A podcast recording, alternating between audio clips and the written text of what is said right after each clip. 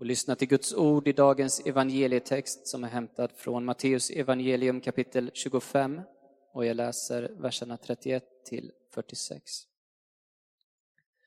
När Människosonen kommer i sin härlighet tillsammans med alla sina änglar, då ska han sätta sig på härlighetens tron och alla folk ska samlas inför honom och han ska skilja människo, människorna som herden skiljer fåren från getterna. Han ska ställa fåren till höger om sig och getterna till vänster. Sedan ska kungen säga till dem som står till höger, Kom, ni som har fått min faders, faders välsignelse, och överta det rike som har väntat er sedan världens skapelse. Jag var hungrig och ni gav mig att äta, jag var törstig och ni gav mig att dricka, jag var hemlös och ni tog hand om mig. Jag var naken och ni gav mig kläder, jag var sjuk och ni såg till mig. Jag satt i fängelse och ni besökte mig. Då kommer de rättfärdiga att fråga, Herre, när såg vi dig hungrig och gav dig mat, eller törstig och gav dig att dricka? När såg vi dig hemlös och tog hand om dig, eller naken och gav dig kläder? Och när såg vi dig sjuk eller i fängelse och besökte dig? Kungen ska svara dem, sannerligen vad ni har gjort för någon av dessa minsta som är mina bröder, det har ni gjort för mig. Sedan ska han säga till dem som står till vänster, gå bort från mig, ni förbannade, till den eviga eld som väntar djävulen och hans änglar. Jag var hungrig och ni gav mig inget att äta. Jag var törstig och ni gav mig inget att dricka. Jag var hemlös och ni tog inte hand om mig. Jag var naken och ni gav mig inga kläder, sjuk och i fängelse och ni besökte mig inte. Då kommer också de att fråga, Herre, när skulle vi ha sett dig hungrig eller törstig eller hemlös eller naken eller sjuk eller i fängelse och lämnat dig utan hjälp? Då ska han svara dem, sannerligen vad ni inte har gjort för någon av dessa minsta, det har ni inte heller gjort för mig. Dessa ska gå bort till evigt straff, men de rättfärdiga till evigt liv. Detta är Guds ord till oss idag. Gud, vi tackar dig. Välkommen Hans. Så roligt att få vara här i Klara kyrka. Ehm, vi har varit medlemmar, jag och min familj, jag och min fru Cecilia som sitter här borta, eh, i många, många år. Redan från eh, 2000 tror jag. Eh, men vi har haft en vända bort till västkusten då vi har bott där. Så det känns väldigt kul att vara tillbaka. Ehm, Mats han skrev ett sms till mig i måndags. Han skrev så här, ni vet Mats Nyholm som är direktor i Klara här. God morgon Hans! Vill du predika om Jesus i Klara på söndag klockan 14? Vi har fått en lucka. Och eh, det, det ville jag. Tycker det är kul att vara här. Och just att få predika om Jesus. Tyckte det var så härligt det han skrev. Och så här har kristna i alla tider sjungit liksom. Låt mig få höra om Jesus. Skriv i mitt hjärta vart ord. Sjung för mig sången så dyrbar, skönaste sång på vår jord. Så jag tycker Mats hade rätt när han skrev sådär. Jag har hört talas om August Strindberg. Han bodde i Stockholm för länge sedan. Han, bruk, han var en sån författare som utforskade det, det mänskliga. Han brukade säga att det är synd om människorna. Och det var ju positivt. Men jag har hört sägas också att vid hans dödsbädd när han hade somnat in så hittade man en lapp på hans nattygsbord där det stod, det var liksom handskrivet, Ave crux spes unica. Det betyder var hälsad kors, du enda hopp. Vad menar han med det? Tänkte jag skulle Eh, en skatt som jag har hittat som jag vill dela med er. Bakgrunden är den värld som Gud har skapat och mänskligheten. Har ju, mänskligheten har hittat sin egen väg, lämnat och övergett Gud på många sätt och fallit i synd. Så allt det som Gud har gett oss att förvalta, denna jorden, den förstörs och rivs ner av synden, av självupptagenheten, av egoismen. Och det är fruktansvärda som, saker som händer mellan människor. Det finns övergrepp och mobbing, miljöförstöring. Och vi ser det hela tiden i nyheterna. Och när vi går ut på plattan så ser vi hur människor är snärjda i stora svårigheter. Som kommer ur det här med att människorna ville gå sin egen väg.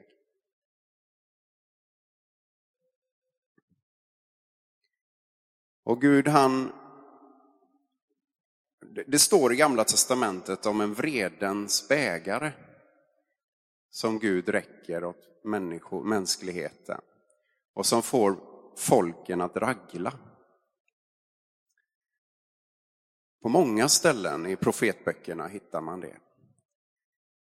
Och jag tog en sån här konkordans och tittade vad, vad det står om bägaren och det var riktigt mustigt språk. Och som jag förstår det så den här vredens bägare, den, den har Gud ställt framför mänskligheten.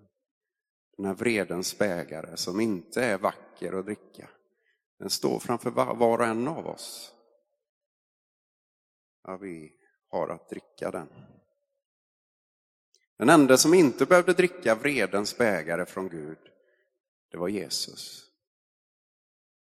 Han var utan synd. Han behövde inte dricka det. Men så var han i Getsemane trädgård och så hade han kommit till världen för en enda sak. Och det var att dricka den där vredens bägaren som han inte behövde dricka. Men han var både människa till 100 procent och Gud till 100 procent. Och han bad Gud tre gånger. Och de här tre gångerna det handlar om i Bibeln väldigt ofta om, om eh, totalt, liksom, en desperat, fullständig bön. Liksom.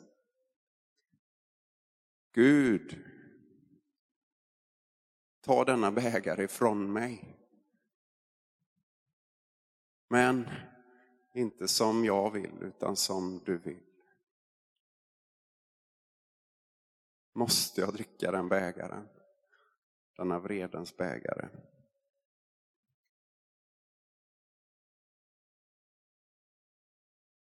Och han svettades blod, står det, i sin ångest över detta. Att Han var tvungen att dricka den här bägaren.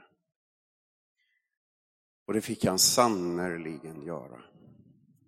Han eh, blev ju misshandlad, han blev bortstött, han blev övergiven, den värsta form av mobbing, tortyr. Han blev eh, upphängd på ett kors. Han var så sönderslagen så han överlevde bara sex timmar. Där på korset så ropade han, min Gud, min Gud, varför har du övergivit mig? Något som han förmodligen aldrig hade upplevt förut. Och det, det är vad jag har förstått, det är helvetet liksom. Han fick uppleva helvetet, att vara skild från Gud.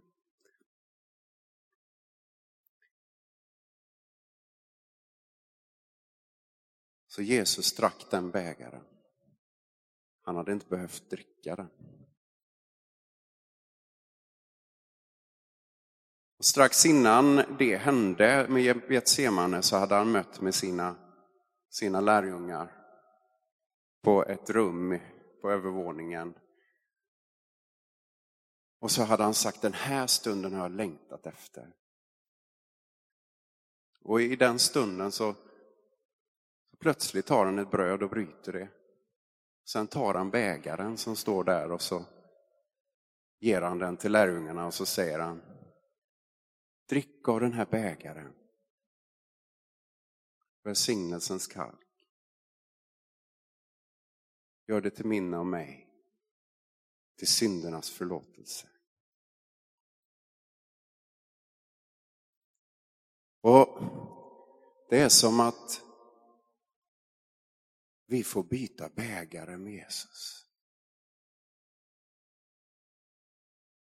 Han tar vredens bägare som står framför oss och dricker den i vårt ställe och räcker oss välsignelsens bägare till syndernas förlåtelse. Det är helt oförtjänt. Därför att det fanns inget annat sätt.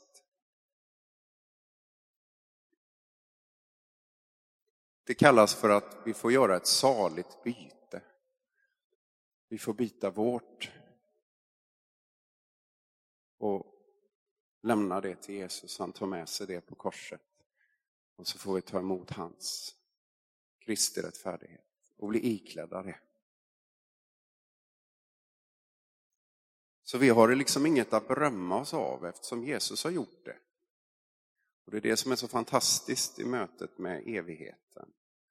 Att vi, när vi inte har något att berömma oss av, så behöver vi inte heller vara rädda att komma till korta.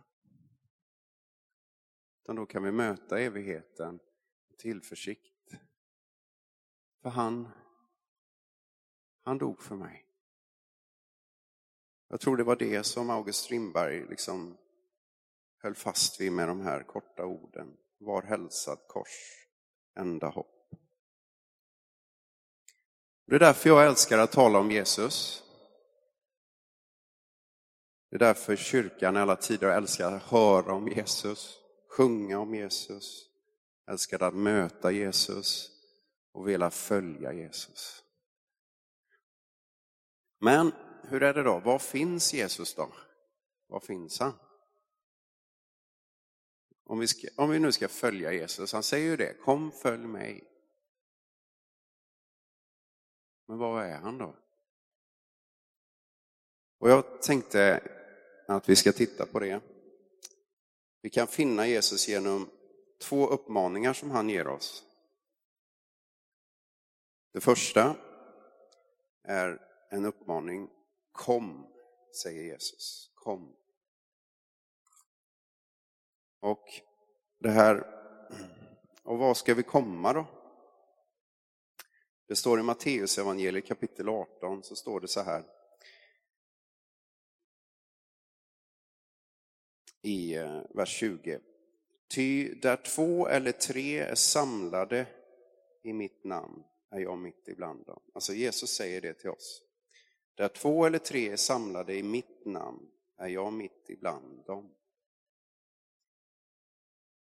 Så det första är att Jesus, han finns i den kristna gemenskapen. Vi kan lära känna Jesus genom apostlarnas undervisning, alltså det som står i Bibeln. Vi kan dela ordet om Jesus med varandra. då kan vi lära känna Jesus. Men vi kan också möta Jesus i den inbördes hjälpen, där vi hjälper varandra, där vi delar erfarenheten av mötet med Jesus. Vi hjälper varandra att tro och förstå att det är sant. Och vi kan i brödbrytandet, som vi ska få vara med om sedan, det som kallas nattvarden också, där kan vi få ta emot Jesus i vår mun. Alltså vi kan smaka på förlåtelsen. Vi får ta emot den här bägaren som jag talade om förut. För dig utgjutet. För dig utgiven. Mer tydligt än så kan det inte bli att du och jag får vara med. Vi får höra till. Vi får finnas i den här gemenskapen. Och så i bönerna där vi kan få tala med Jesus i Jesu namn. Och den här gemenskapen då, som är den kristna gemenskapen, eh, som Jesus talar om i Matteus 18, den ger Jesus en väldig auktoritet. Han säger, allt vad två av er kommer överens om att be om här på jorden, det ska de få av min himmelske fader. Ty, säger han, där två eller tre är samlade i mitt namn, där är jag mitt ibland dem. Och varför ger Jesus den kristna gemenskapen en sån auktoritet? Det här, hela det här kapitlet, kapitel 18, börjar med att lärjungarna de har diskuterat, som de så ofta gör i evangelierna, vem är störst i himmelriket? Och hela det han talar blir som ett svar på det. Jesus, han tar fram ett barn och så ställer han det där framför dem och säger att ni behöver bli som barn. För Guds rike tillhör sådana som det. Och så talar han om dessa små som tror på mig. Och han har talat i Matteus evangeliet om de öd, ödmjuka, de som är beroende av Gud, som hungrar och törstar, de behövande, de bortkomna. Och så fortsätter Jesus och så berättar han en liknelse.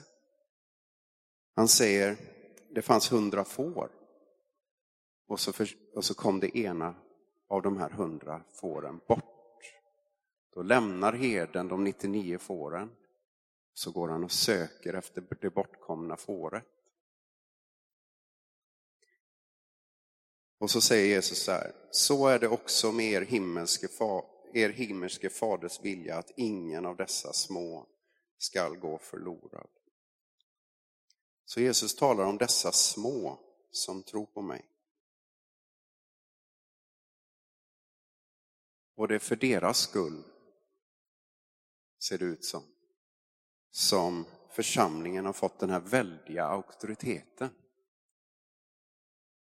Allt vad två av er kom överens om att be om i mitt namn, det ska jag ge dem. För att ni ska kunna söka de här bortkomna. Och Jesus säger också kom till mig, alla ni som är tyngda av bördor.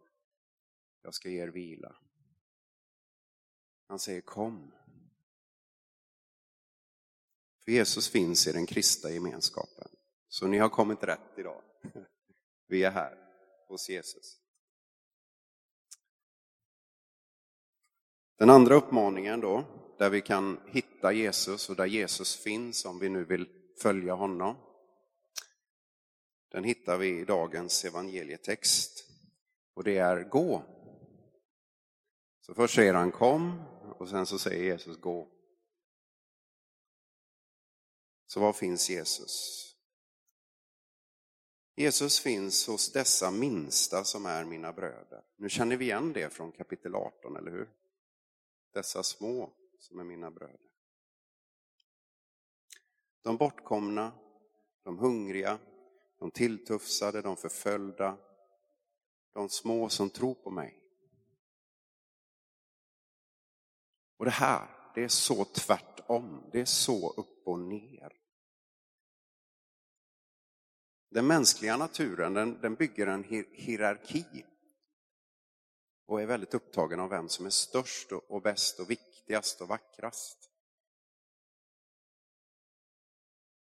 Man vill bli beundrad och vara i centrum.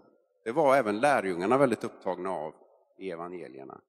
Som ni minns så började kapitel 18 med att de frågade sig vem som var störst i Guds rike. Den kristna gemenskapen söker och finner Jesus hos den svage. Hos den utstötte, hos dessa små. Och han säger, ni behöver bli som barn. Som barn. Så Jesus identifierar sig med dessa minsta och utmanar oss. Det är där jag finns. Allt ni gör mot dessa minsta, det gör ni mot mig. Där är jag. Det är dit ni ska gå om ni vill följa mig. Säger Jesus. Jag har ju lyssnat mycket på Karl-Erik Salberg som är en känd profil i den här kyrkan. Och han säger ju att teologi, det stavas teologi. Ja, många av er känner kanske igen det, men det är te och logi. Alltså att vi behöver skapa ett hem åt dessa minsta, så långt vi förmår. Och ge dem varm, en varm kopp te ibland. Ge varandra en varm kopp te. Och Karl-Erik han pratar också om befrielsen i att se bortanför sig själv. Att se på Jesus och vara förundrad och se till det minsta, andra omkring mig. Då behöver jag inte vara så upptagen av mig själv hela tiden. Inte så navelskådande. Utan jag kan ägna mig åt det som finns runt omkring. Och då, då menar Karl-Erik att det finns en sorts hälsa i det. Men hur är det? Är det tron eller är det gärningarna som ger mig frälsningen? Det är tron. Vi har inget att berömma oss av och vi behöver inte heller vara rädda som jag sa förut. Jesus har dött för mig. Men det finns två olika sätt att tänka omkring sanningen. Det finns det grekiska sättet att tänka om sanningen, som vi lever i väldigt mycket. Att vi kan få höra sanningen och sen kan vi betrakta den. Åh, det, det låter intressant, vad spännande. Men i den miljön där Jesus levde så hade man ett annat förhållande till sanningen. Det hebreiska sättet att tänka som fanns då. Och det var, jag hör sanningen och då agerar jag. Alltså inte ett passivt förhållande, utan det är helt naturligt för mig. Nu har jag hört vad som är sant, då gör jag det. Punkt. Och det skymtar vi i femte Moseboken, i den judiska trosbekännelsen. När det står Hör Israel, Herren din Gud, Herren din Gud är en.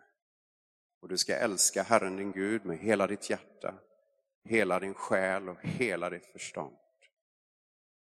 Och det här ordet hör, det är helt och hållet sammanlänkat och, och oskiljbart från gör. Det bara, det hör samman. Jag hör att Gud är en. Herren är Gud, han är en och han är min Gud och därför går jag där han går. Liksom. Det är som en, eh, ett brev på posten, om ni känner till det uttrycket. Det finns alltså ett mer omedelbart, naivt förhållande till det Jesus säger. Det finns en sorts urkraft i tron som håller på att gå förlorad i den här grekiska tankevärlden där vi betraktar tron. Nu skulle jag läsa en dikt. Jag brukar aldrig läsa dikter och så, men jag har hittat en dikt som jag tyckte var, handlar mycket om detta. Jag har den i min mobil. Det är Nils Bolander, han skriver så här. Kristendomen var ett örnevangelium, sprunget ur den högsta klippspetsens näste på blanka störtflyktsvingar. Men vi tuktade dess järva fjädrar, rätade faktmässigt ut dess rovdjursnäbb och se, det blev en svart fågel, en pratsam och tam korp. Kristendomen var ett lejonbudskap, ständigt på jakt efter varmt och levande byte, ett ungt lejon av Juda. Men vi klippte dess skarpa krökta klor, stillade dess törst efter hjärteblod och gjorde det till en spinnande huskatt. Kristendomen var en ökenpredikan, snål och vass som den pinande Afrikus, brännande som ökensanden. Men vi gjorde den till en trädgårdsidyll. Aster, seda och fromma rosor. Ett stämningsstycke i örtagård. Herre, ta hand om vår fromma ynkedom. Giv dem snabba örn, örnvingar och vassa lejonklor. Giv dem doft av vildhonung och sammum och säg sedan med döpare röst. Detta är den seger som övervinner världen. Detta är kristendom. Och den dikten handlar lite grann om det jag försökte säga där med det här sättet, olika sätten att tänka, det hebreiska och det grekiska, skillnaden.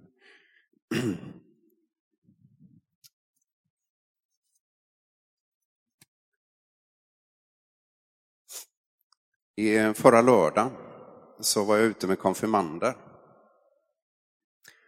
Och eh, vi eh, jobbar med Frälsarkransen, kanske några som känner till det. Det är liksom ett pedagogiskt verktyg när man eh, undervisar konfirmander och ungdomar. Och så hade vi kommit till nattpärlan i Frälsarkransen. Det är liksom ett armband med olika pärlor. Och det finns en svart pärla, nattpärlan. Denna pärlan handlar om mörkret i livet. Om döden, om begravning, pratar om självmordstankar, om sorg, om lidande, om psykisk ohälsa och allt det här som är mörker i vår mänskliga tillvaro. Liksom. Det finns också bekymmerslöshetspärlan som är, är blå. Så vi, det är inte det enda vi pratar med konfirmanderna om, om ni förstår. Men vi, den här nattpärlan den gör att vi kommer in på det ämnet också, de ämnena också. Och jag skulle ha aftonbön och vi hade varit ute på, på kyrkogården. Och vi hade sagt, vi, vi, vi tar aftonbönen i minneslunden på kyrkogården. Och jag, tände en eld, jag skulle tända en eldkorg, så vi får lite stämning och lite mys där. Och så skulle de få tända gravljus i minneslunden också eftersom det är nära till eh, allhelgona och så vidare. Och jag tänkte, vad ska jag berätta om? När vi har den aftonbönen här. Och så bara drabbade mig, ja men jag måste ju berätta om Jesus. Berätta om min kärlek till Jesus, om Jesu kärlek.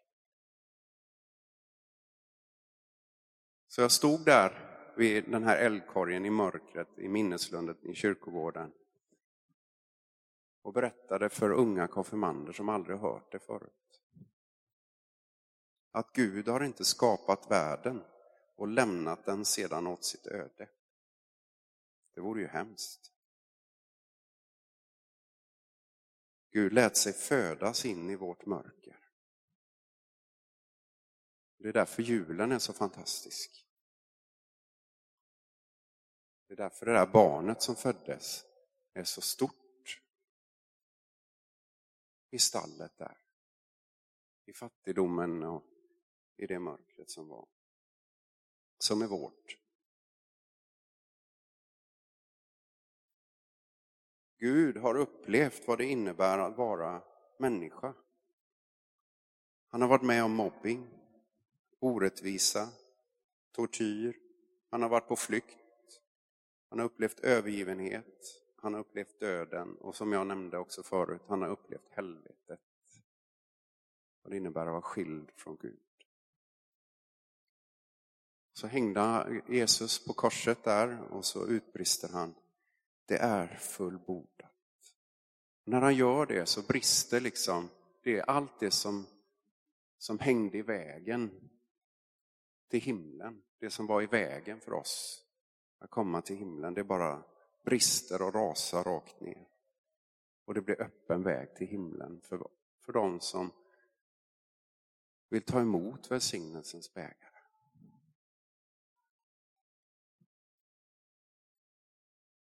Det finns inget mörker där Gud inte redan har varit för oss.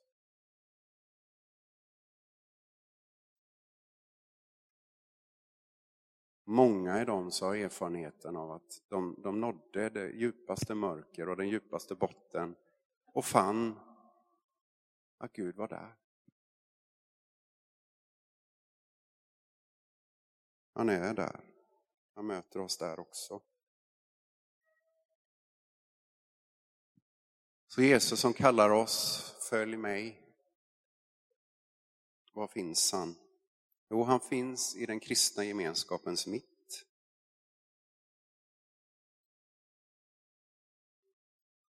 Och där kan vi komma och få bli påfyllda.